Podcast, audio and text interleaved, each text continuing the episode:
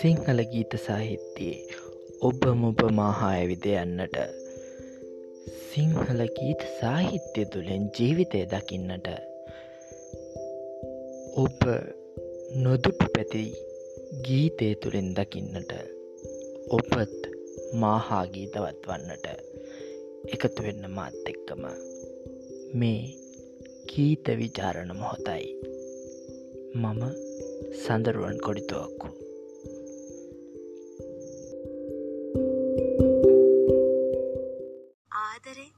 අවසන් නිරණම ඒක නම් ඒක උනාව කියල මං හිතා ගත්තා. ඒ වීඩියෝ එක දැම්මන වියස් කෙල කෝටියක් ගිහින් අපේ අම්මලත් දිවිනහ ගන්න තැනට වැඩ සිද්ධ වෙන්න තිබුණා. ඒත් මං ආදරයට ඇද වැටෙන්න පටන් අරන් තිබුණේ. අපේ හත්මුතු පරම්පරාව විනාශ කරගෙන වුණ මං වැටෙන්න ලෑස්ති වෙලා හිටියේ. ආදරේ අනන්ත ආගාදයට. සර්ට මතකද අපි අර බොහීමියන් සංකල්ප සාකච්ඡා කර චිත්‍රපටි එහෙම බල බල මමයි සහනුයි ඒ ආදර උමතු යුගය කරපුවා එක්ක බලනකොට අපි දැකපු බොහීමියන් බීට් හිපි ඔක්කොම සුදු ඇඳගෙන අසපු ගාන යන උපාසක ජීවිත වගේ. සර්ගේ දේවාලට ඇවිත් මම මේ විදියට මගේ පව් අමාරන්නේ සර්ළඟ මට විරුද්ධ වූ මුවහත් කරන්න පාරිශුද්ධත්වය කඩු කිනිසි නැති බව මම හොඳට දන්න හින්දා. ගානට ඉරතියල මැදපු ෂර්ට් එක ඇඳලා වැදගත් මහත්තුරු විදියටයි දොස්තරලව හදන්න එයාලගේ සර්ල මැඩම්ලා. ආමිය එකේ වගේ තමයි. සහනුත් දොස්තර ආමි බටෙක් වගේ පිළිවෙලට තමයි හිටියේ. මං එයාගේ කමිස කලිසංවල ඉරිතියපු ජීවිතේ පොඩි කරලා මිනිහව අඹරල ගත්තා ප්‍රේමයේ වියරු රළ පහරය ඔබලා. මං ආදරේ ප්‍රකාශ කරපු කාලේ මිනිහ හිටිය තුන්වෙනි අවුරුද්ද අවසානය වුණත්. මිනිහ ඇවිද්දේ දොස්තර නලාව බිම වැටේ වගේ පරිස්සමට. භෞතික නලාව කරවටේ නැති වෙලාවට හේ නලාව වැටෙන්නට නියමිත උරහිසේ අච්චුව හරියට හදාගන්න වගේ තමයි එයා ඇවිත්තේ. පහලට එල්ලෙන දොස්තර නලාව අනික් පැත්ත හරෝපු යූ අකුරක් වගේ අහස එල්ලිලා තියෙනවා. ඒ යූ අකුර කවදහරි කරටගන්න පුහුණු වෙනවා වගේ තමයි එයා හිටියේ. එයාගේ අම්මල තාත්තල ආණ්ඩුවේ පොඩි රස්සා කරපු අය. එයාල දෙන්නම රස්සාව කරලා තිබුණෙම තමන්ගේ දරුව දොස්තරල කරන්න. ඒ නිසා පොඩි කාලේ ඉඳලම අනික් පැත්ත හරවපු යූ අකුර අහසේ එල්ලලා තියෙනවා එයාලා මෙයාට පෙන්නලා තිබුණා. ඒ විදියට අනාගතයේදී ලං වෙන්න අහසේ එල්ලලා තිබුණු දොස්තර සංකේත මං ආදරේ සුලිසුලඟින් සුන්නත් දූලි කෙරෙව්වා. මැතිනියනි ඔබේ මුහුණ සිප ගැනීමට අවසරද කියලා අහලා මගේ මූණ ඉඹලා මැතිනිය ඔබේ තොල් සිප ගැනීමට අවසරද කියලා ආයෙත් අහලා මගේ ශරීරයේ වෙත එළමෙන જાතියේ විනීතකමක් මිනිහට තිබුණා. මං එයාව බෙල්ලෙන් අල්ලලා අරන් මගේ ශරීරයේ නැමැති දියසුලිය ඔබලා අරන් ක්‍රීඩාශීලී ප්‍රේමවන්තයෙක් කෙරෙව්වා. මං අන්තිම අවුරුද්දේ මාස කීපයක් උඩ පේරාදෙනිය බෝඩිමක හිටියේ. මං බෝඩින් කාමරේ ජනෙල් කූරු ගලෝලා සහන්ව ඇතුළට අරන් පාන්දර පින්නෙම එළියට දාලා බුරණ බල්ලෝ අතරින් දුවන්ට සැලැස්සුවා. බල්ලෝ එලෝනෝ දොස්තර දුවනෝ. සම්පූර්ණ දොස්තර මහත්තයෙක් වීමට නියමිත උපාසක අර්ධයක් විදියට හදලා තිබ්බ පුතෙක්ව මං කාමරාජ ප්‍රේමවන්තයෙක් කරලා සම්පූර්ණ කරා. අන්න එහෙමයි. මමගේ ඇතුළෙන්ම ආපු ප්‍රශ්නෙට උත්තර දුන්නේ. මතකනේ ප්‍රශ්නේ මිනිහා දොස්තර හින්දා හිතලා මතලා ගණන් හදලා ප්ලෑන් ගහලා කැමති වුණාද? නැත්තම් ආදරේ වෙතට පාලනයෙන් තොරව ඇද වැටුණද? හෝකනේ ප්‍රශ්නේ. ඇගේ සංදේශයෙහි මේ ප්‍රදේශයට එන විට ඇගේ අවංක රචනා විලාසයෙහි ඇති අමුතු සිත්ගන්නා ස්වරූපය මගේ උද්‍යෝගය වැඩි කර තිබෙනි. මෙවන් සිත්ගත් යමක් මා නිතර බෙදාගන්නා මගේ සහෘද මිත්‍රයන් වන අතුල සමරකෝන් සුදේශ් මන්තිලක අම්රිත් හේරත් සහ ප්‍රියන්ත ෆොන්සේකා සිව්දනාට කතාකොට පේරාදනිය තානායමට ආරාධනා කළෙමි. මේ තානායම් ආලින්දේ මද පමණ මදුවිත ඔස්සේ අප පස්දනාගේ නොයෙක් සාහිත්‍ය කලා සංවාද සිදුව තිබේ. කතාවක් තියෙනවා කියන්න. මම ඔවුන්ට කීවෙමි. ඒ සන්ධ්‍යාව එළඹෙන වෙලාවය. රස්සලෝලයන් මදුලෝලයන් සේම ප්‍රබන්ධ ලෝලයන්ද වන ඔවුහු වහා එන බවට පොරොන්දු වූහ. ඔවුන් එනතෙක් මම නිලුකි පිළිබඳ මතකයෙහි කිමිද කිමිද සිටියමි. ඇයට වඩා මට බෙහෙවින් සමීප ශිෂ්‍ය ශිෂ්‍යාවෝ සිටිති. එහෙත් අදින් පසු ඔවුන් සියලු දෙනා මගේ මතකයේ දෙවනි තුන්වෙනි පේලිවලට තල්ලු වන බව මම සිතුවෙමි. මිතුරන් එනතෙක් ඇගේ ලියුමේ සියලු නම්ගම් වෙනස් කළෙමි. ඔවුන් පැමිණි පසු ඇගේ ලියුම මුල සිට හඬ නගා කියවීමි. ඔබ මේ කියවමින් සිටින්නේ ඒ දෙවනවර කියවූ ලියුමය. ඒත් සර් අපේ ජීවිතයේ ආදර උමතුවක්ම නෙමේ. අපි කරන්න ඕන වැඩත් පිළිවෙලට කරා. යථාර්ථ මූලධර්මවලටත් අපි යටත් වුණා. උපාධිය හොඳින් කරලා අවසාන වතාවටත් සර් හම්බ වෙලා සතුටින් යන්න මට හැකි වුණේ ඒකනේ. මම මගේ ඉංග්‍රීසි හදාගන්නත් මහන්සි වුණා. මං එයාට ගැළපෙන එයා කියපු දේවලුත් කළා. සරසවි ලර්නර්ස් එකට ගිහින් ඩ්‍රයිවිං පුරුදු වෙලා ලයිසන් එක ගත්තා. කාර් එකක් කවද ගනීද කියලා දන්නේ නැති වුණා. එයාම හඳුන්ලා දුන්න වෛද්‍ය ශිෂ්‍යාව එක්ක යාළු වුණා. ඒගොල්ලෝ පිවිසෙන ලෑස්ති වන ජීවිතේ මොකක්ද කියලා ඔත්තු බලලා හෙව්ව ඉගෙන ගත්තා. දොස්තරවරියෝ යන ලෝකේ දොස්තරලගේ දොස්තර නොවන බිරින්දෑවරුත් යන ලෝකෙමයි කියලා හිතාගෙන වැඩ කෙරුවා. අපිට ජීවත් වෙන්න වෙන්නේ ඒ වගේ පිරිසක් එක්ක කියලා සහන් අයියා කිව්වා. එයා කියපුවට අමතර දේවලුත් මං කෙරුවා. අපේ හොස්ටල් එකේ හිටපු මෙඩ්ඩියෝ එක්ක යාළු වෙලා සහන් ගැන ඔත්තු බැලුවා.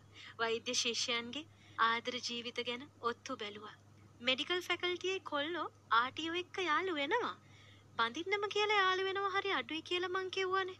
මං එහෙම සැලමුතු පෙම් කතා ජාතියව්ව තියෙනවද කියලා හොයලා බැලුවා. එව්ව එකයි දෙකයි තිබුණේ. ගොඩාක් වෙලාවට ඒ කෙල්ලෝ ඉංග්‍රීසි හරි වෙස්ටර්න් ක්ලාසික්ස් හරි ස්පෙෂල් කරන අය. අඩු ගානේ විද්‍යාව කියන කෑල්ල තියෙන විෂය ඉංග්‍රීසි මාධ්‍යයෙන් කරන අය. කොහොමටත් කඩ්ඩවත් හොඳට පුළුවන් අය.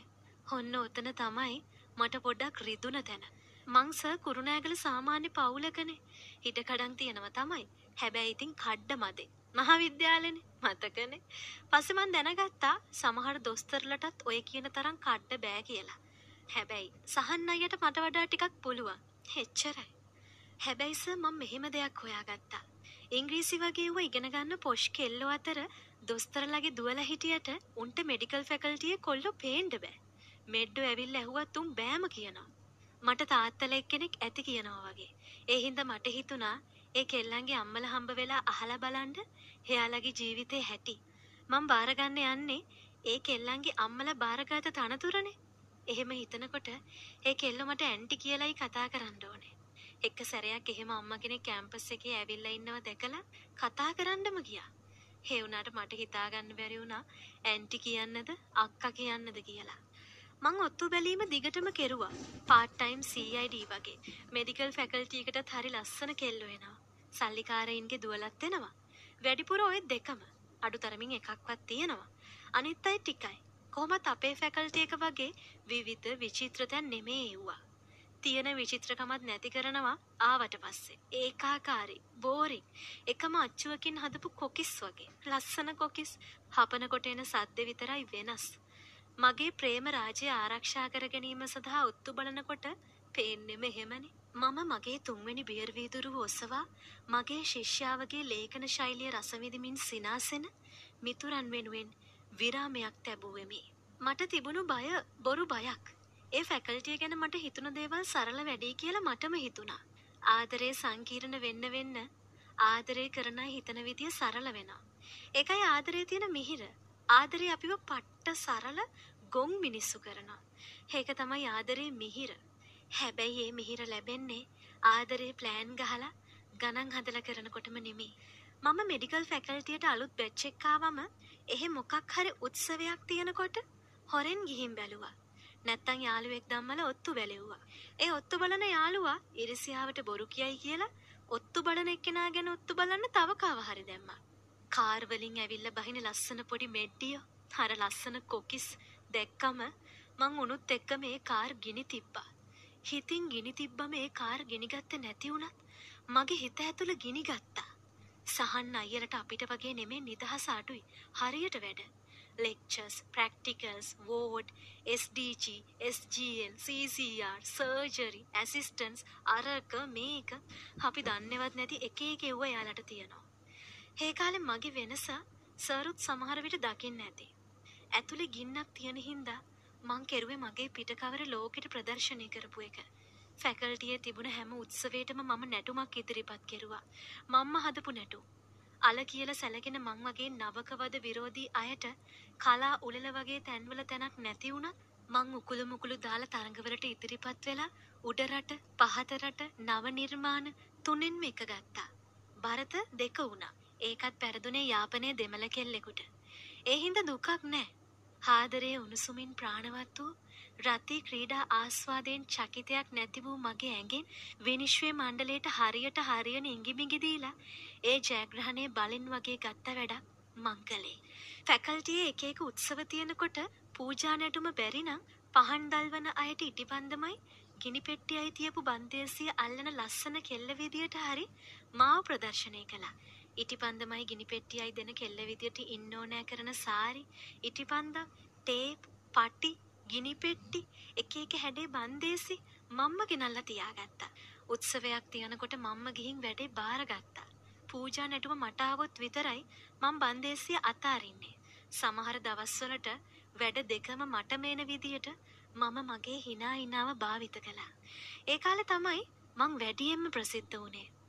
මං ලස්සනට ඇඳලා ඉන්නව දකින පිරිමි කෙඳිරිලි අතරේ මෙඩ්ඩෙක් දාගෙන ඉන්න කියන අවසන් සුසුම් පදේ මටම ඇහිලා තියෙනවා. ඒක මට ජයഘോഷා නාදයක් වගේ. එහෙම මට නොඇසෙන කුටුකුටුවලත් අර්ථය ඒක බව දැනගන්න මැජික් බලේ මට තිබුණා වගේ මට දැනුණා. ඒ කාලේ මං කොච්චර ලස්සනද කිව්වොත් ෆැකල්ටියේ සර් කෙනෙකුත් මගෙන් යාළු වෙන්න ඇහුවා. මං හාත් නැති බෑත් නැති කොමලයක් දාලා ඒ සර්ව මාස ගානක් බඹරේ වගේ කැරකෙව්වා. මට දැනුනේ පුදුම අභ්‍යන්තර බලයක්. උඹද බඹරේ? කියෝ අතුල අමිත් දෙස බැලීය. මමද මා දෙසට එබී බලා පසුගිය දෙතුන් වසර තුල බඹරයක්සේ කැරකි කැරකී සිටි මොහොතක් වී දැයි කල්පනා කර බැලීමේ. කතාවේ ඉතුරු ටික අසා ගැනීමේ කුතුහලය කාගේත් මුහුණුවල පෙනේ.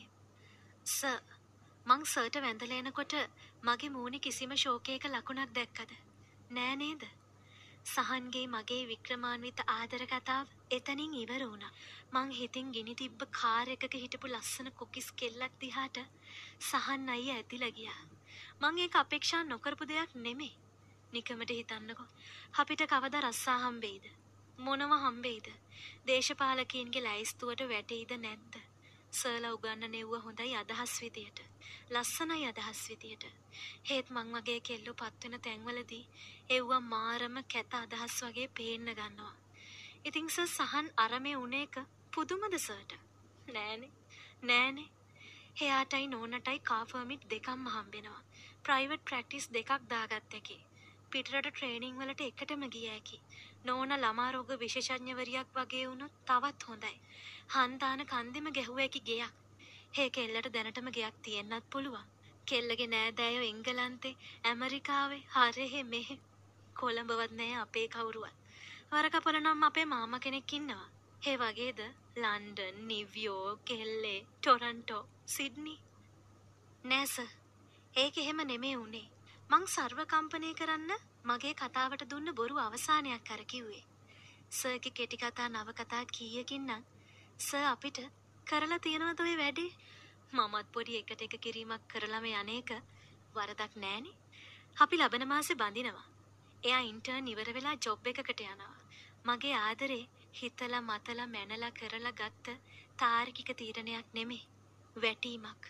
තවමත් ගහගෙන යන ප්‍රවාහයට වැටීමක් කියලා මටම හිතන තරම් උමතු වැඩ වැලක්ම කරලා මං උත්සාහ කළා මේ සියල්ලම නිරුත්සාහක ආලේ බලය කියලා මටම ඒත්තු ගන්නන්න. ලස්සන කෙල්ලොත් එක්ක කාර් කීපයක්ම ගෙන තිබ්බ මං අද සැනසුම් සුසුම් හෙලනවා. මගේ ආදරේ ආදරයක්ද ගනුදෙනුවක්ද කියලා මටම හිතාගන්න බැරුව. මම මගේ අනාගත ස්වාමි පුරුෂයාට පුදුම වදයක් දුන්නේ. ආර්ට්ස් ෆැකල්ටියේ කෙල්ලෝ ලව් කරන්නේ ඒ වගේ නාට්‍යමය විදිවලට වෙන්න ඇති කියලා හිතාගෙනද කොහෙද? හේ මිනිස්සයා මගේ ආදර අතිනාටක හැම එකකම කීකරුව රඟපෑවා. එයා හරි හොඳ කෙනෙක්. දොස්තර කියලා ඔලුවට ගත්තු කෙනෙක් නෙමෙයි. රෝ දුකින් මිනිසා සුවපත් කරන්න අවංකව හිතන කෙනෙක්. මං වගේ පිස්සියක්ම තමයි එයාට ගැලපෙන්නේ එක අතකින්. මම මේ මගේ ඇතුළේ තියෙන ප්‍රශ්නේ එයාට කියන්නෙවත් එහෙම එකක් පෙන්වන්නෙවත් නැහැ. ඒත් මම මේ ලියුම ලියන්නේ මමත් හිත හිත ඉන්න දෙයක් ගැන සර්ටත් ආරාධනා කරන්න. සර්ගෙන් ප්‍රශ්න කීපයක් අහන්න. අර මං සර්ව කම්පණය කරන්න කියලා මගේ කතාවට දුන්නු බොරු අවසානයේ නෙමේද මට ඇත්තටම සැනසුම් සුසුම් හෙළිය හැකිව තිබුණ හොඳම අවසානය. දැන් මම මේ යන්නේ තාමත් අවසානයක් නොවුණු කතාවක ජීවත් වෙන්න නෙමේද. මේ ප්‍රශ්න දෙක තවමත් තියෙනවා කියලා කියන්නේ මං ආදරයට ඇදන් වැටිලම තමයි. තවමත් ඉන්නේ ගහගෙන යමින් කියන එක නෙමේද. මේ අවසානයක් නොවුන කතාවේ මං සර්වත් චරිතයක් කරනවා. සහන් අයියත් ඒකට කැමති.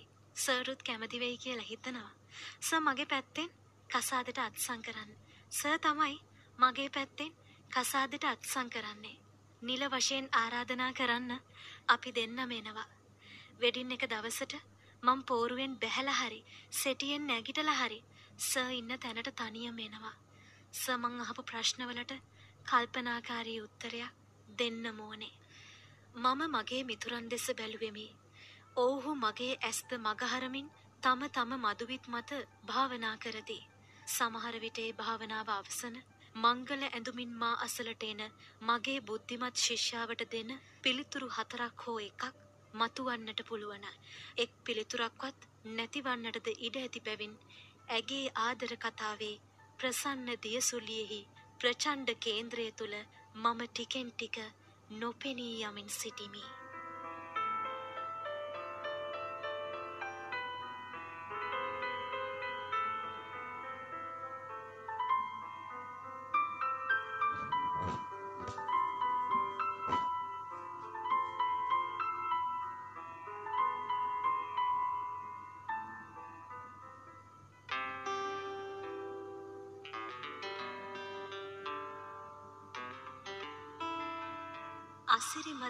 මිනිසෙකුගේ වීර චාරිකාව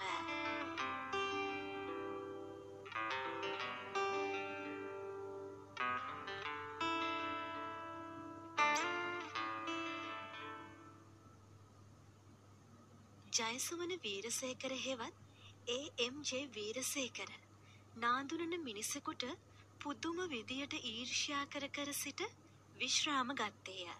ඔහුගේ ඊර්ෂ්‍යාවට ලක් වූ මිනිසා ජාඇල පැත්තේය. වීරසේකර කලින් කල එවැනි මිනිස්සුන්ට ඊර්ෂ්‍යා කර කර සිටි නමුත්. විශ්‍රාම යන වයස වන විට ඊර්ෂ්‍යා කරන්නට ජාඇල මිනිසා තෝරා ගත්තේය. ඒ මිනිසාට දැන් වයසය. ඔහු එක්දහස් නවසය හැත්තෑ ගණන්වල ෆොක්ස් වැගන් කාරයකින් එංකලන්තයේ සිට ලංකාවට ආසැටි සතියන්ත පත්තරයක තිබිණි. ඒ වීරසේකරලා හැත්තෑ ගණන්වල කතා කරමින් සිටි ගමනකි. මෝට සයිකලයකින් ඒ ගමන යන හැටි කිලෝමීටරෙන් කිලෝමීටරයට විස්තර කළ ජයකොඩි. නා දුනන තුවක්කුකරුවෙකුගේ වෙඩි පහරට ලක්ව අසූ ගණන්වලදී මිය ගියේය. ඉතා කුඩා වාම කණ්ඩායමක සාමාජිකයෙකු වූ ඔහු. සිය අනාගත මෝට සයිකල් ගමනට බාධා කරන්නේ යැයි සිතන දක්ෂිනාංශිකසේම වාමාංශික ඕනෑම ආණ්ඩුවක් බිහිවීමට බිය වූයේය.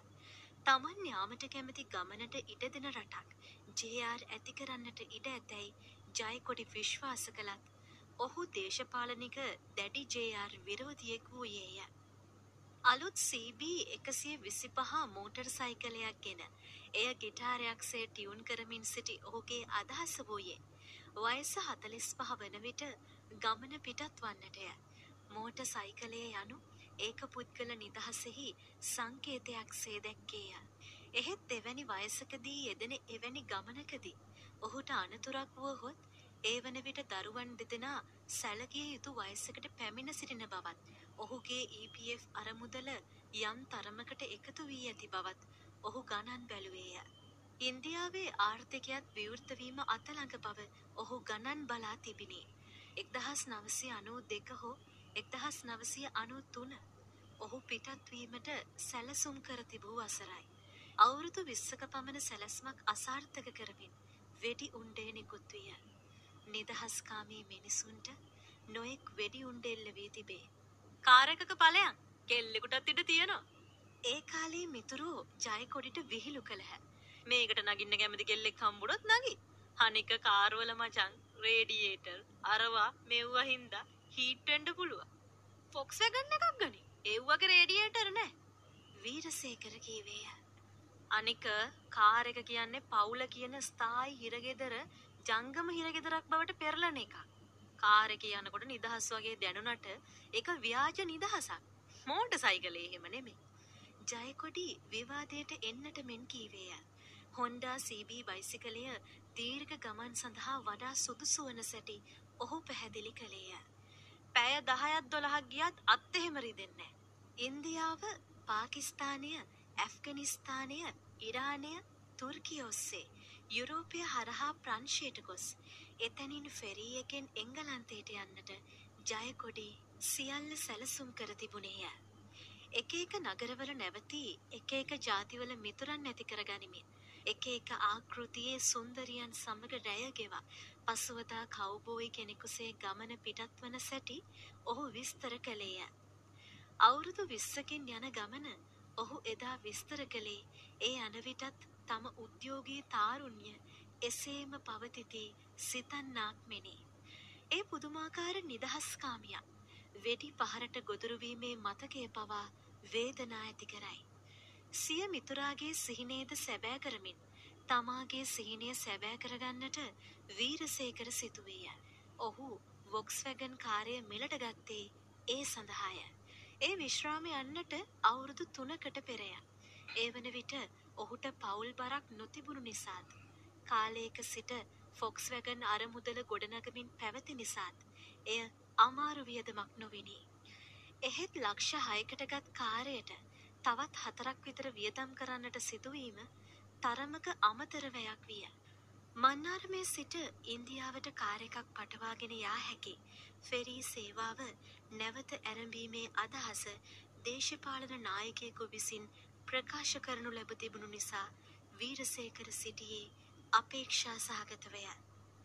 ඉංග්‍රීසි ඕඩය හරයා උමං මාර්ගය විවෘත වී ඇති බැවින් ගමනෙහි ඒ අන්තයෙහි සාගර බාධකය දැන් නැත. උමග නැතත් ප්‍රංශය සහ එංගලන්තය අතර ෆෙරී සේවාවන් තිබේ. ගමනෙහි ආරම්භක අන්තයෙහි සාගර බාධාව තවම පවතී. මන්නාරමේ සිට ඉන්දියාව දක්වා ෆෙරී සේවාවක් නොව පාලමක්ද දැමීමේ අදහසද ප්‍රකාශ වන්නට විය. එය මරා දමන ලද ජයකොඩි සහෝදරයාට කෙරෙන උපහාර පාලමක් වේ යැයි වීරසේකර සිතා තිබුණේය. පාලමක් දැමීමෙන් ලංකාවේ දිවයින් අනන්‍යතාවට හානිවේ යැයිද එවන් පාලමක් යනු ඉන්දියානු ව්‍යාප්තවාදයට දිරිදීමකැයිද සිංහල පත්තරවලට ලියූ ජාතිකවාදීන් ජයකොටි සහෝදරයාට වඩා මරණයට සුදුසු අය බව වීරසේකර දනී. ජයකොටි සහෝදරයාට වෙඩි තබන්නට ඇත්තේද එවැනි මානසික තත්ත්වයකින් යුතු පිරිසක් වන්නට ඇත. එවැනි පාලමක් ලංකාව ලෝකයට යා කරයි. නගරයේ සිට ගමේ යාමට පමණක් භාවිත කරන කාර්වලින් ගොස් ලෝකයේ පොඩි කෑල්ලක් හෝ දැක කාර්ය නමැති උපකරණයට යම් අර්ථයක් දෙන්නට ඒ පාලම නිසා අපට ඉඩ ලැබේ. වීරසේකර අවුරුදු දෙකක් කලින් විශ්‍රාම ගත්තේය. ෆෙරී හෝ පාලම් ඇතුව හෝ නැතුව මේ ගමන යාම ඒ ගමන ගැන වාර්තා ලියා තැබීම අනාගත පරම්පරාවකට හෝ ලෝකය සමග වඩා හොඳින් සම්බන්ධ වීමට දිරදීමකි. මේ ගමන වැරදුනත් එය ඉතිහාසය ගොඩනැගීමට දායක වීමක් වනු නියතය. අකාලයේ පිළිකාවට ගොදුරු වූ මල්ලිකා සිටියේ නම් මේ ගමන යන්නට තවමත් ඉඩ නොලැබෙනු ඇත. එහෙත් මේ ගමන ලන්ඩනයෙන් නිමා කරන්නට හැකිවුවහොත් එය ඇයටද කරන උපහාරයක් වැනිය. පොන්ඩිචරී වරාය කරා කාරෙක ගෙනියන්නට නැව් සේවාවක් සොයා ගැනීම අපහසු වූයේ නැත. ගමන පිටත්වන්නට පෙර වීරසේකර නොයෙක් විදියේ පර්යේෂණ පැවැත්වූයේය. සුදුසු පාරක් තෝරාගෙන හැකි තරම් වේගයෙන් ධාවනය කර බැලුවේය. සම්පූර්ණ වෛද්‍ය පරීක්ෂණයක් කරගත්තේය. සීනි නැත. කොලෙස්ටරෝල් ඇත. එහෙත් එයට කාලයක සිට බෙහෙත් ගන්නා බැවින් ප්‍රශ්නයක් නැත. ඔහු හවස ඇවිදින අතර දනිස් කලවා සහ කොන්දට විශේෂයෙන් ව්‍යායාම කළේය. එකම ඉරියව්වෙන් රියදුරු අසුනේ සිටීම ලෙහෙසි නැත. සැලැස්ම මෙසේය. කාර්ය නැවෙන් යයි. වීරසේකර තමිල්නාඩුවට ගුවනින් යයි. ජයන්ත පෙරේරා ඔහු සමග එහි යයි. දවසකින් දෙකකින් ආපසු වෙන ජයන්ත ලන්ඩනය කරා පරණ ෆොක්ස්වැගන් රථයෙන් යන වීරෝදාර ලාංකික පුත්‍රයා ගැන ජනමාධ්‍යයට වාර්තා කරයි. ඉන්දියා ගමන ගැන වීරසේකරගේ දියණිය දන්නා නමුත් එතනින් එහාට යන ගමන ගැන සියලු සැලැස්ම සහිත ලියුමක් තැපැල් මගින් හෝ අඩු තරමින් දින දෙකකට පසු ඇය අතට ලැබේ. මේ ඔහුගේ ජීවිත කාලයක ප්‍රාර්ථනාවයි. ඔහු කාබුල් නගරයට යනතුරු පසු කරන සියලු නගර ගමනේ පළමු කොටස ලෙස වෙනම ලියා ගත්තේය. පොන්ඩිචේරි, චෙන්නයි, විජයවඩ, හයිදරාබාද්, නාග්පුර්, ජබල්පුර්, ජගන්සි, අග්‍රා, ජයිපුර්, බිකනේර්, අම්රිට්සාර්, ලාහෝර්, ඉස්ලාමාබාද්, කාබුල්. එතැන් සිට ඇෆ්ගනිස්ථානය හරහා ගොස් ටර්කිමෙන්ස්ථානයට යාමට දැනට සිතේ ඇත. එහෙත් ඉදිරි ගමන සැලසුම් කරන්නේ කාබුල් නගරේදීය. කාබුල් නගරයට යන විට මේ වික්‍රමාන්විත ගමන ගැන ලංකාවේ ජනමාධ්‍යයෙහි පළවන වාර්තා සියල්ල වීරසේකරට ලැබෙන්නට සැලැස්වෙනු ඇත. ඇෆ්ගනිස්ථානය හරහා යාම යුද බිමක් මැදින් යාමක් විය හැකිනම් විකල්ප මාවතක් ගැන සිතිය යුතුය. කෙසේ වෙතත් කාබුල් නගරේදී රතුකුරුස සංවිධානය වැනි ජාත්‍යන්තර සංවිධාන සමග සාකච්ඡා කිරීමට සිදුවේ. වීරසේකර යන ගමන කාබුල් කිට්ටු වන විට ජාත්‍යන්තර පුවතක්වීම වැදගත් වන්නේ අන්න එතනදීය. ත්‍රස්තවාදී සංවිධාන පවා මේ වීරයා යන පොඩි කොළපාට කාරයට තම අඩවිය හරහා යාමට ඉඩ දෙනු ඇත. මැෂින් තුවක්කු සහ රොකට් ලෝංචර්ස් අතින්ගත් යෞවන ඇෆ්ගන් ගරිල්ලන්ගේ කැබ්රත ශුෂ්ක ඇෆ්ගන් භූමි දර්ශනය ඔස්සේ පෙරගමන් යන සැටින්ද ලංකා ජාතික දජයරගත් තමන්ගේ කාරය ගරිල්ලා කැබ්රතය අවස්සන දූවිලි වලාව යටින් යන සැටිත් වීරසේකරට මැවී පෙනේ. ඊට කලින් ලාහෝරේදී ලංකාවේ අය වීරසේකරට සුබ පතන්නට මගට එනු ඇත. ජාතික කොඩිද වනමින් ආචාර කරනු ඇත. වියදමට අමතර මුදල් කොටසකුත් ඔවුන් වෙතින් ලැබේ. සමහර විට එය විශාල මුදලක් වන්නටද ඉඩ තිබේ. මේ ගමන හැකි තරම් පෞද්ගලික කාර්යක්ෂය කරන්නට වීරසේකර සැලසුම් කර ඇතත් ජයන්ත පෙරේරා සහ සෝමසිරි මායාදුන්න මිතුරෝ දේවල් ලොකුවට කරන්නට කැමති අය වෙති. ජයන්ත පෙරේරා පොන්ඩිචේරිහිදී වීරසේකරට සමුදුන්නේය. ජයන්තගේ අයියා ලන්ඩනය වෙත වීරසේකර පිළිගැනීමට එහි සිටී. ජයන්ත පෙරේරා පොන්ඩිචේරිහිදී වීරසේකරට සමුදුන්නේය. ජයන්තගේ අයියා ලන්ඩනය වෙත වීරසේකර පිළිගැනීමට එහි සිටී. වීරසේකර හයිද්‍රාබාද් කරා ළඟාවීමට දින තුනක්ම ගත්තේය.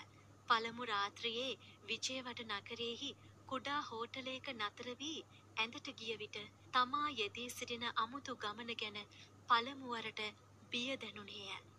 එහෙත් ඉදිරියට එළඹීමට ඇති සති කිහිපය අමුත්තන් නාදුනන බවින් විස්මයෙන් පිරී ඇති බව දන්නා ඔහුගේ සිත නව යොවුන් වික්‍රමකාමීත්වයකින් පිරිණි.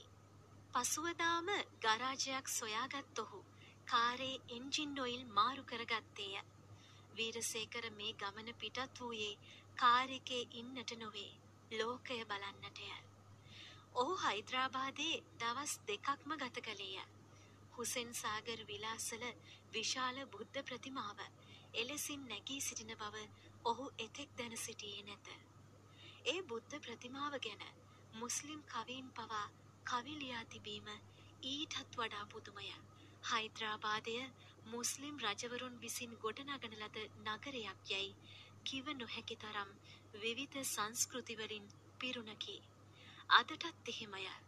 ක්වීල් කීතාබ්ෂා මේ නගරය ගොඩ නැගුවේ දිව්‍ය ලෝකයෙහි අනුරුවක් මිහි මත තනන අදහසිනි. එහෙත් මූගල් හමුදා විසින් එය බිමට සමතලා කෙරිණි. එසේ තිබියදීත් එය දිව්‍ය ලෝකයක අනුරුවක්ම වැනිය. සියලු වර්ගවල දෙවියෝ එහි වසති.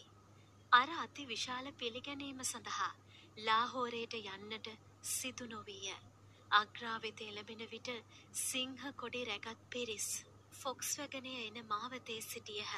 විශාල පිරිසක් නොවුවද මෙම වීර ක්‍රියාව සෑහෙන තරම් ප්‍රසිද්ධියක් වීරසේකරට අත්කරදී තිබිණි.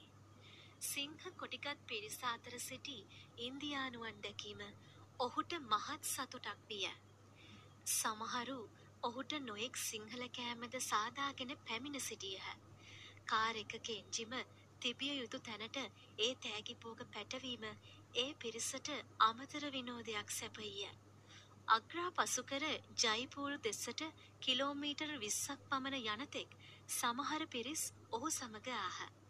ඔහු අග්‍රා නගරයේ රැය ගත කරන්නටත් පසුදින උදේ පිටුපසට අයර දෙක මාරු කර ගැනීමටත් සිතා සිටියද පසු ගමන් එන පිරිස මග හරින්නට ඔහු ඉදිරියටම ගියේය. ඒ නිසා යමුනා නදිය සිත්සේ නැරඹීමේ අවස්ථාව හිමිවිය. රාත්‍රිය එළඹෙන විට ආපසු ලංකාව දෙසට හැරෙන්නට ඔහුට සිතිනි. වැඩට යන ගෙදර එන ගෙදරම ඉන්න ජීවිතය වෙතින් පලා ගොස් වික්‍රමාන්විත ගමනක නික්මුණද ගෙයටත් වඩා ඉතා කුඩාකාරයක් තුළ සිරවී දවස ගෙවීමෙහි කිවයුතු වික්‍රමයක් නැතැයි ඔහු කල්පනා කළේය. එක තැනක නොනැවති ගමනෙහි යෙදෙන කෙනෙකුට මිතුරු සම්බන්ධතාද ඇති කරගත නොහැකිය. අඳුර වැටෙනතුරු මගායිනේ නැවති කල්පනාවේ යෙදී සිටි වීරසේකර. කාරය ආපසු හැරවීය. අග්‍රා නගරය දෙසට ඇදෙන කාරයේ ඔහු සිටියේ කල්පනා බරවය. යමුනා නදිය අසබඩම නවාතැනකට පැමිණි ඔහු. හෝටලයේ සේවකයන් විසින් හඳුනාගනු ලැබිණි. ඔවුන් වීරසේකර සහ ඔහුගේ ෆොක්ස් වැගනය දූර්දර්ශන් ප්‍රවෘතිවලින් දැක තිබිණි. ඒ නිසා සියලු සංග්‍රහ ලැබුණේ නොමිලේය. ඔහු ජයන්තර තුරකත නැමතුමක් ගෙන ජනමාධ්‍යයට තොරතුරු දෙන එක නවත්වන්නැයි ඉල්ලා සිටියේය. අග්‍රාවල මිනිස්සු ඇතිවෙන්ඩ සල්ලිත් දුන්නා. වීරසේකර කීවේය. දැනට නවත්තන්න හැබැයි වීරේ ලාහෝරු වලට නං එම්බසිය කට්ටියකුත් එනවා. ඒක නවත්තන්න අමාරු. අනික ඒගොල්ලෝ ඔයාට ඇෆ්ගනිස්තාන් ක්‍රොස් කරන්න උදව් අරන්දේ. ජයි මට කාගෙවත් උදව් නැතුව මම්ම පාර කපාගෙන යන්න තිබුණනම් හොඳයි. වීරසේකර කීවේ කනස්සල්ලෙනි. වීරේ හොයා තව පැය කීපෙකින් ලෝකෙ තියෙන භයානකම ප්‍රදේශයකටයි ඇතුල් වෙන්නේ. උදව් නැතුව කොහොමද? ඔයා කලබල වෙන්න එපා. නොගෙන්නම බැරි උදව්වක් ගමු. කොහොමද ගමන? හොඳද? නියමයි මචං. අවුරුදු 20කට 30කට කලින් ආවනම් මරු. දැන් මෙහි හැම තැනම ලොකු සිටිස් තියෙන්නේ. සාම්ප්‍රදායික ඉන්දියාව අතුරුදහන් වෙවි යන්නේ. ප්‍රශ්න මුකුත් නැහැ. ලොකු ඒවා මුකුත් නැහැ. කාර් එකේ පොඩි පොඩි එව්වා ආවා. එව්වා ඔක්කොම හරි. හේසි නැති එක තමයි ප්‍රශ්නේ. දවල්ට රස්නේ. දූවිලි හින්දා අරන් යන්න අමාරුයි. තව ඉස්සරහට යනකොට තවත් දූවිලි තියෙන පළාත් තියෙනවා. මං Google Map එකේ බල බල ඉන්නේ. හරි මචං. මං තියන්න. නර්මදාට කතා කරුවේ නැද්ද? ජයන්ත ඇසීය. ජබල්පූර් වලදී කතා කරන්නම හිතුණා.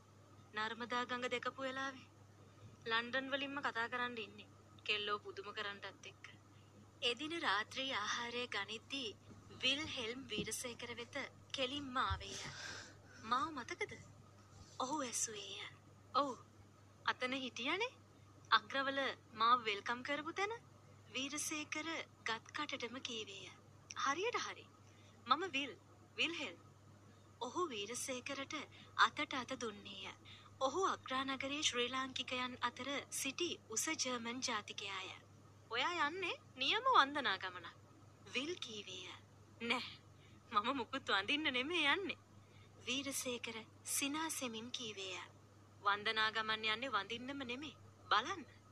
විල් කල්පනාකාරීව පිළිතුරු දුන්නේය. ඇත්තම කියනවා නම් හිතපු තරම් බලන්නත් බැරි වුණා. වන්දනා ගමන් කියන්නේ ගමනම තමයි. වෙන මොකවත් නෙමේ. මොන්ටෙන් එක සැරයක් කිව්වා ගමනාන්තයට ලංවීම නෙවේ. ගමනෙමයි අර්ථ තියෙන්නේ කියලා. It is the journey, not the arrivals that matters. ඇත්ත. වීරසේකර එකඟ වූයේය. ඔයා කොහෙද යන්නේ? ගමනේ. කොයි පැත්තටද? කාබුල්. ඉතින් අපි එකට යමු.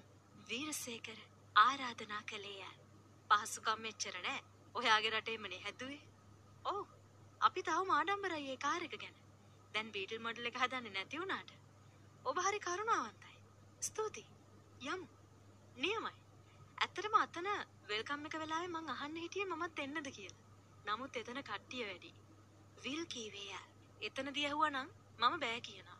ඔක්කොම නගී නැත්තම් කාර් එකට. දැක්කන්නේ තිබුණ උද්‍යෝගේ ඇත්ත. ඒත් මං දැනගෙන හිටියා ඔයා ආපහු එනවා කියලා. විල් කීවේ යා. ඒ කොහොමද? වීරසේකර පුදුමයෙන් ඇසුවේය. මේ වගේ ගමන් යන අය ඒ වගේ ප්‍රශ්න අහන අය නෙමෙයි. විල් පිළිතුරු දුන්නේ යා. වීරසේකර තමාගේ ගමන පිටත් වූ තැන සිටම සිදු වූ සියල්ල සැනකින් මෙනෙහි කළේය. හැත්ත ඉක්පිතිව ඔහු කීවේය. ඔහු පසුදින පාන්දරම පිටත් වූහ.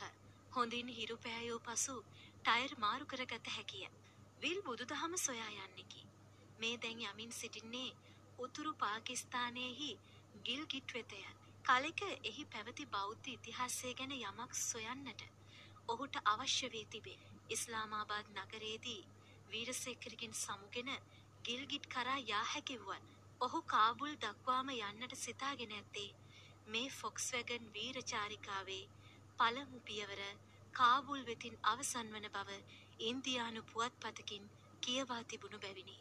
ඉන්දියන් පත්තරවල තිබුණද? වීරසේකර පුදුමයෙන් ඇසීය. ඔව් මේ විල් සිය බෑගයෙන් පත්තර කෑල්ලක් ගෙන දැක්වීය.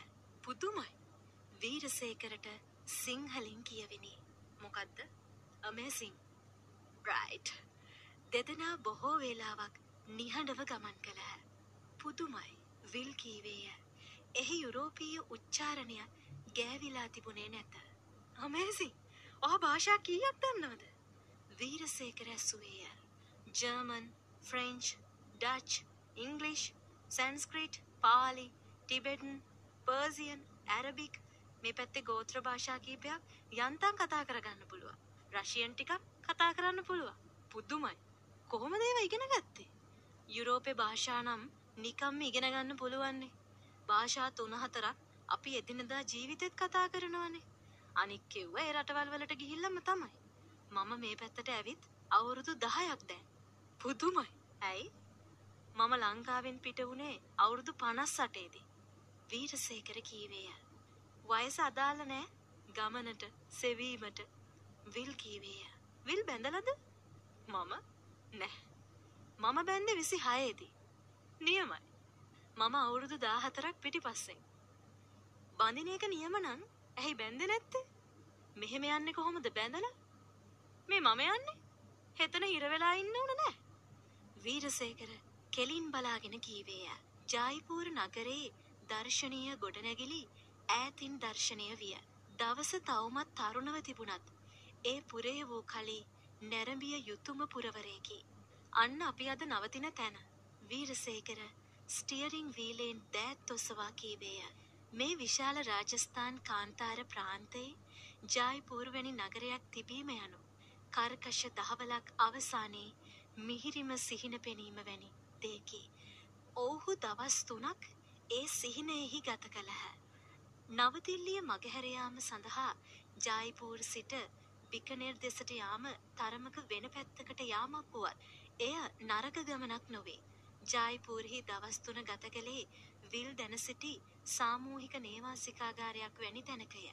ඉතා නිදහස්කාමී එතැන හෝටලයකට වඩා ලාභදායකද විය. ඒ සියල්ලටම වඩා වාසිදායක වූයේ එහි සිටි අය කාරකේ ලන්ඩන් යන ශ්‍රී ලාංකිකයා ගැන ප්‍රවෘත්තිය අසා නොතිබීමය. ඒ තෙදින විනෝද ජනක විය. වීරසේකර නිහඬව කාරය පැදවීය. මෙය ඔහුගේ වික්‍රමාන්විත ගමන නිසා වාහනය පැදවීමේ අවස්ථාව ඉල්ලා නොසිටින බව විල් කීවේය.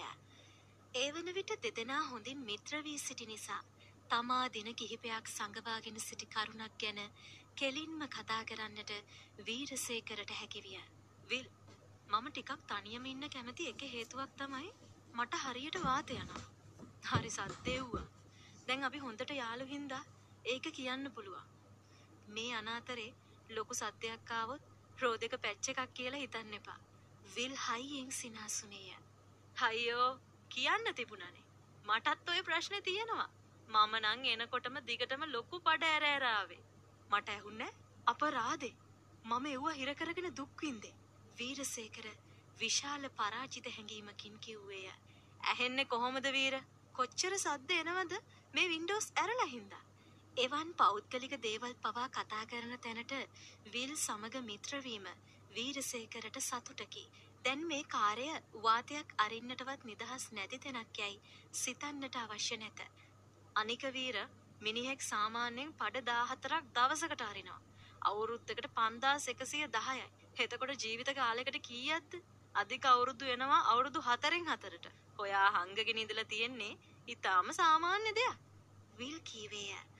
ඊළඟට නැවතුණ ගමන් මම මෙච්චර කල් ඇරලා තියෙන පඩ ගාන හදලා බලන්න ඕනේ. වීරසේකර කීවේ ඇත්තටමය. අදෝ වාතයේහි සිට මහා සත්‍ය දක්වා ඕනෑම දෙයක් ගැන උනන්දුවෙන් ජීවත්වන මේ මිනිසා දෙස වීරසේකර පුදුමයෙන් බැලුවේය.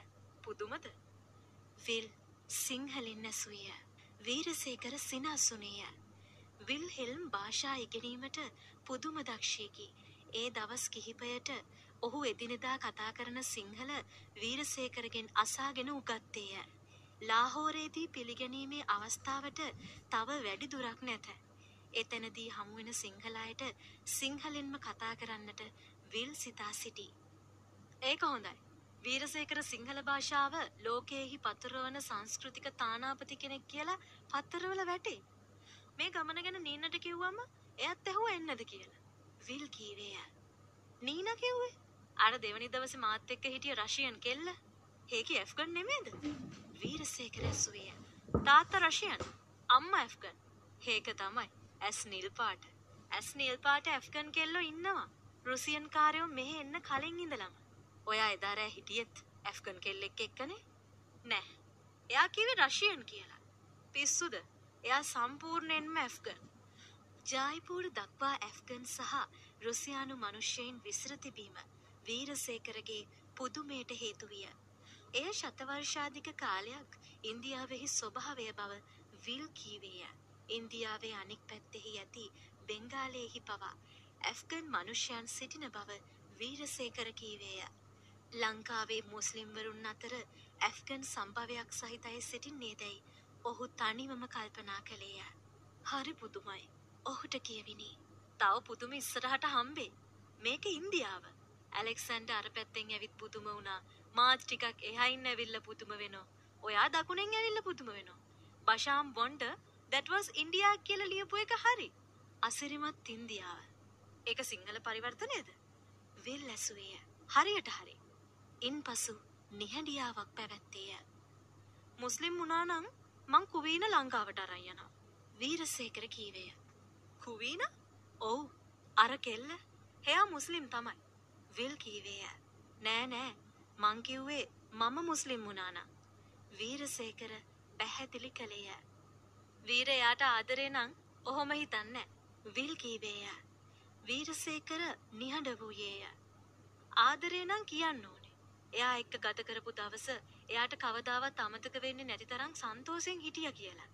බැඳපු ගෑනු එක්කත් අපි අවුරුදු ගාණක් හිටියට ඒගොල්ලන්ට හොඳම මතක විදියට තියෙන්නේ එක දවසක් පැයක් විනාඩියක් විතරයි. වීර, ඔයාගේ වයිෆ් ගෙන් ඔයා ඇහුවනම් එයාගේ ජීවිතේ සන්තෝෂම වෙලාව මොකද්ද කියලා එයා තප්පර කීපයක පොඩි කෑල්ලක් කියයි. ඒ තප්පර කීපෙට හොයා අයිති නොවෙන්නත් ඉඩ තියෙනවා. වීරසේකර හිස වනමින් අසා සිටියේය. ජීවිත කාලෙටම තප්පර කීපයයි. ඔහුට කියවිනි. එය ප්‍රකාශයක් සේම ප්‍රශ්නයක ස්වරූපේද ගත්තේය. අනික්ව දිනචරියාවක් විතරයි. විල් කීවේය. වීරසේකරගේ ගැඹුරු අවධානය සහ හිසවැනීම නිසා විල් දිරිමත් විය. ආදරේ නම් දිනචරියාවක් වෙන්න දෙන්නම නරකයි. ඔහු කීවේය. සෑම වචනයකම ඉලක්කය වන ඔබ අහා හේ ඔබ මා සදාතනේද හදිසි මහ විපතද ඔබමය. හේ මොකක්ද? වීරසේකර ඇසීය. අහගන්න. විල් ආවේශයෙන් මෙන් කියන්නට වූයේය. ඔබ මා ගැහෙන හදවතට පැනවදී එහෙත් මා හද සමාදෙයි. ඔබ කරන කිසිම තුවාලයක් මට කම් නැත. අවැසි නැත. කාගෙවත් කරුණාවක සරණ. හහෝ පළපුරුදු තුනුවායාවියයි. එල්ල කරලනු මැන ඔය කදිම ඊතලය මා වෙත. මා ඔබේ ඊයෙහි ගොදුරම වන නිසා ඔබ දුන්නෙහි ආසක්ත වහලා නිසා මාලේ නහර තුළ ඔබ කරන තුවාලය මා ජීවිතය වෙයි. ඔව් එය ජීවිතය දෙයි. මා ජීව රුදිරයෙහි වැකි ඔබේ අසිපත පුදුමයි. ලෝකයෙහි අගරජුවෙයි. විල් එය මන්ත්‍රයක් මෙන් සච්චායනා කොට දීර්ඝ නිහඬතාවක් තැබුවේය. අන්න එහෙමයි ආදරය ගැන කිව්වේ මුස්ලිම් කවියෝ. ඔහු ඉක්පිතිව කීවේය. කවුදේ වීරසේකර ඇසීය. රූමි මගේ කැමැතිම කවියෙක්. ආදරේ තියෙන්නේ අර පරිස්සමේවත් දිනචරියාවෙවත් නෙමේ. අනතුරේ තුවාලේ. මේක ඒ අනතුර ගැන අනතුරු ඇඟවීමක් වෙන්නත් පුළුවන්. අනතුර ගැන ජයഘോഷාවක් වෙන්නත් පුළුවන්. විල් මේ කියන්නේ තමාට අන් තැනකදී නොවේ නම් අන් ජීවිතයකදී ඇසුණු දෙයක් යැයි වීරසේකරට සිතිනි. ඔහු මාතෘකාව මාරු කළේය. බුද්ධ ධර්මය ගැන ඔච්චර උනන්දුවේ මමද? ඔව් අනිත්‍ය කියන එකයි අතහැරීම කියන එකයි හරි ගැඹුරු අදහස්. විල් කීවේය. අපේ රටේ තමයි නියම බුද්ධ ධර්මය තියෙන්නේ. ඒක කියන්න අමාරුයි. වීරගේ රටේ ත්‍රිපිටක තියෙනවා. හැබැයි ටිබෙට් වලත් තියෙන්නේ ඇත්ත බුද්ධ ධර්මය. නේපාලෙත් එහෙමයි. ඇත්ත තියෙන්නේ එක තැනක නෙමේ. මගේ වයිෆ් හිටියනම් විල්ට කියලා දෙයි මට වැඩිය හොඳට. එයා සිල් ගත්තා, බණ ඇහුවා. මිය ගිය ගැන අය නැවත කතා කිරීම සුදුසු නැතැයි සිතූ විල් නිහඬ විය. විල් කියපු එක ගැන මම මේ හිත හිතාවේ. ඇත්ත තියෙන්නේ එක තැනක නෙමේ කියලා. ඔව්. හේවන් මේ සුතන්. විල් සිනාසුනේය. ටිබෙට්, නේපාල්, චීනේ, තායිලන්තේ, බුරුමේ, ජපානේ මේ ඔක්කොගෙම ගිහින් තියනවද? ඔව්. පුදුමයි. වීරසේකර කීවේය. කොහේ ගියත් ගෙදර යන්න ඕන නේද? ගෙදර එහෙමම තියාගෙන සත්‍ය හොයන්න පුළුවන්ද? බෑනේ. ගෙදර එහෙමම තියාගෙන යහපත් වෙන්න පුළුවන්ද? බෑනේ. ගෙදර හදන වඩුව දැක්කා කියලා නේද? ඔයාලගේ බුදුහාමුදුරුවෝ කිව්වේ. ඔව්. විල් නිහඬ විය. එතකොට මම වඩුවෙක්ද? වීරසේකර ඇසුවේය. රාජස්ථානයේ කාන්තාරය හරහා ගමන සිතූ තරම් පහසු නොවීය. ඔටුවන් අදින කරත්තවල යන වයි වරණ ඇඳුම් හැඳි දුප්පත් ගැහැණුන් බලන්නට නවතින්නට ඔවුන් දෙදෙනාටම සිතිනි. බිකේනර් නගරයේ තවත් දවසක හෝ දෙකක විවේකයට සුදුසුය. මෙය පාකිස්තානය සහ ඉන්දියාව අතර දේශපාලන යුදමය තෙරපුම පැහැදිලිව පෙන්වන නගරයක් බව විල් කීවේය. එහෙත් ඉන්දියානු හමුදා කණ්ඩ නිතර ගැවසෙන නිසා ආරක්ෂාව පිළිබඳ ප්‍රශ්නයක්ද නැත. මේ පසු කරන නගර කරා එළඹෙන සංචාරක පිරිමියා කවුරුවත් ඔහු සාදරයෙන් පිළිගෙන මිත්‍රශීලීව ගත කරන්නට කැමති ස්ත්‍රීන් සිටීම පුදුම හිතන තරම්ය. අවුරුදු සියදහස් ගණනක් නොයෙක් සංචාරකයන්ගේ ගමන් මං හරහා වැටී ඇති මේ නගරවල අයට අමුත්තා යනු හුරු පුරුදු කෙනෙකි. මේ නගරවල අමුත්තා යනු ගෙදර කෙනාය.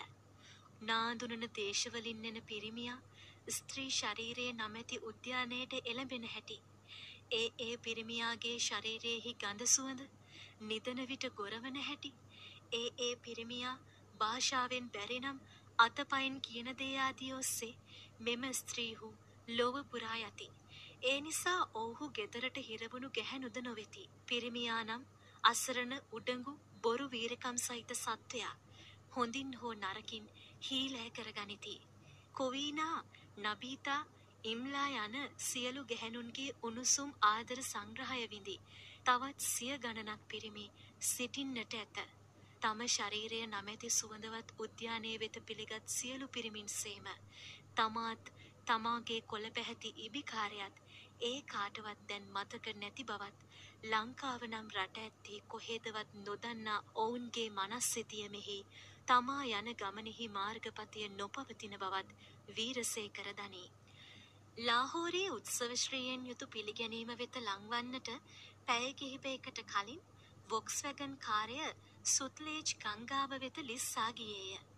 දීර්ඝ කාන්තාරයක් පසුකර දූවිලි කාගෙන ආ ඔවුන්ට ඒ මනරම් නදියද හරිතවත් හාත්පසද නරබන්නට අවශ්‍ය විය.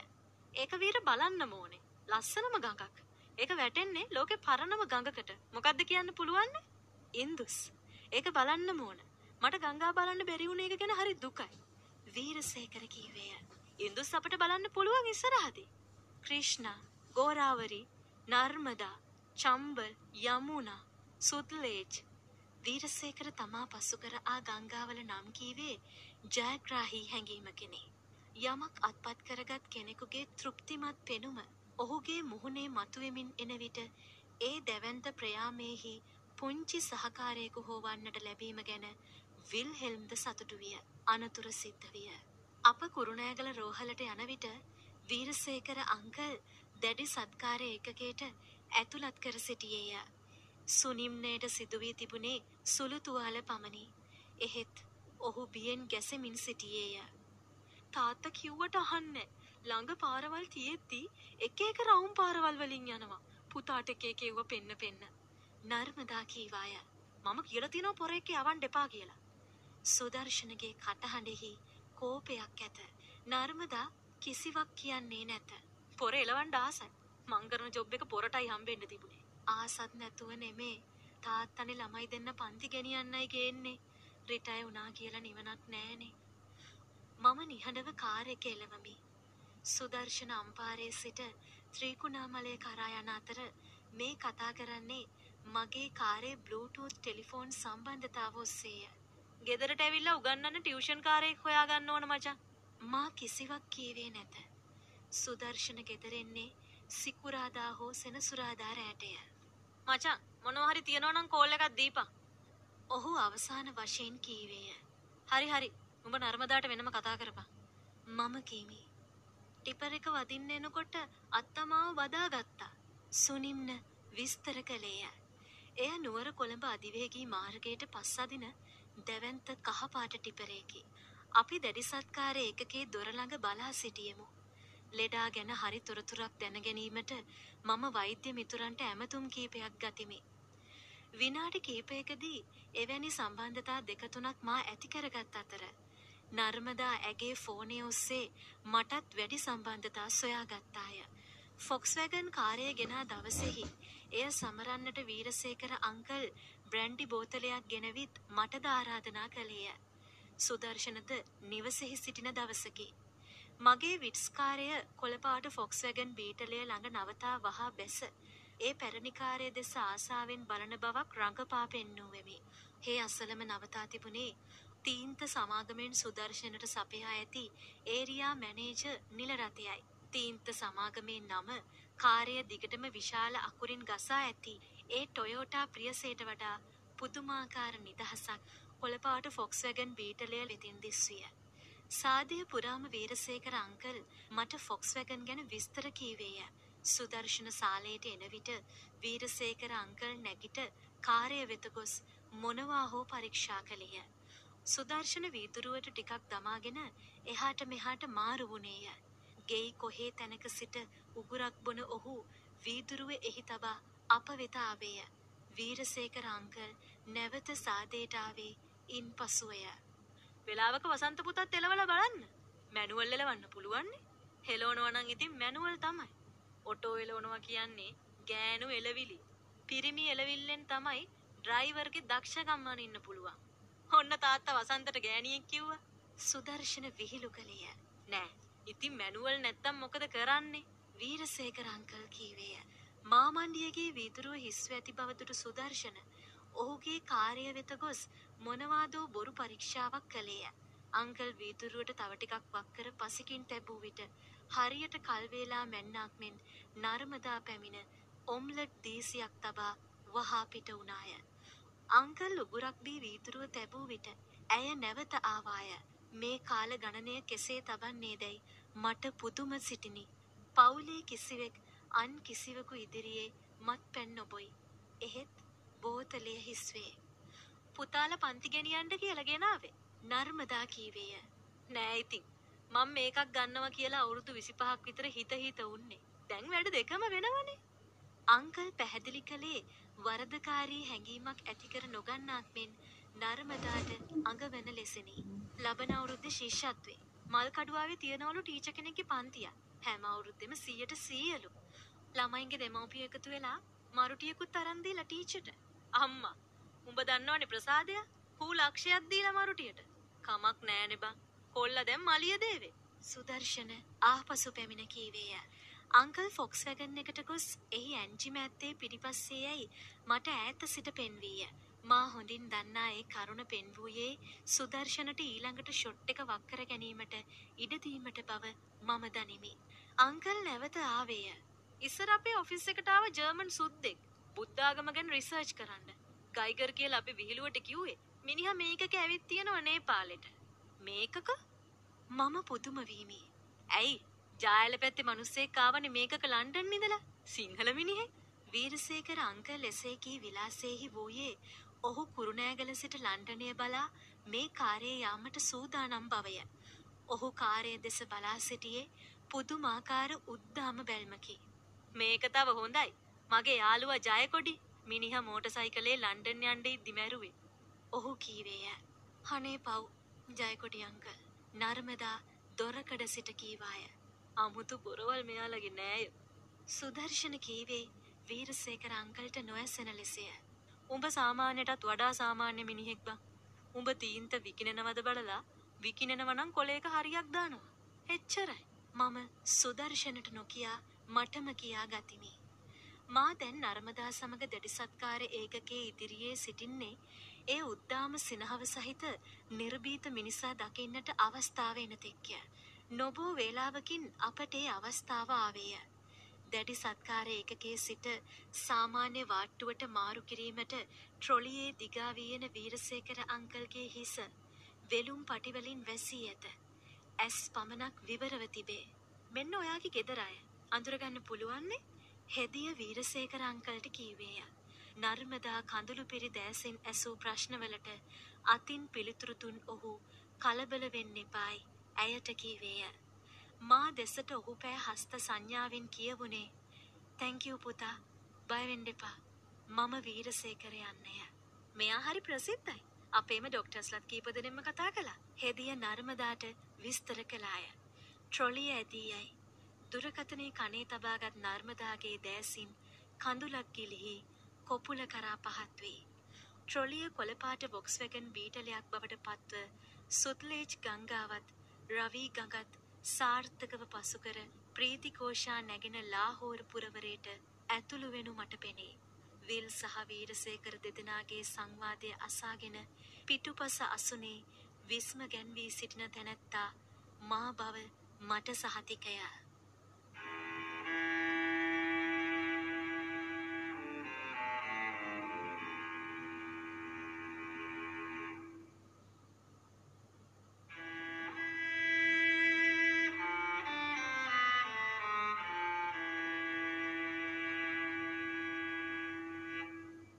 ගෙදර වටසිතියම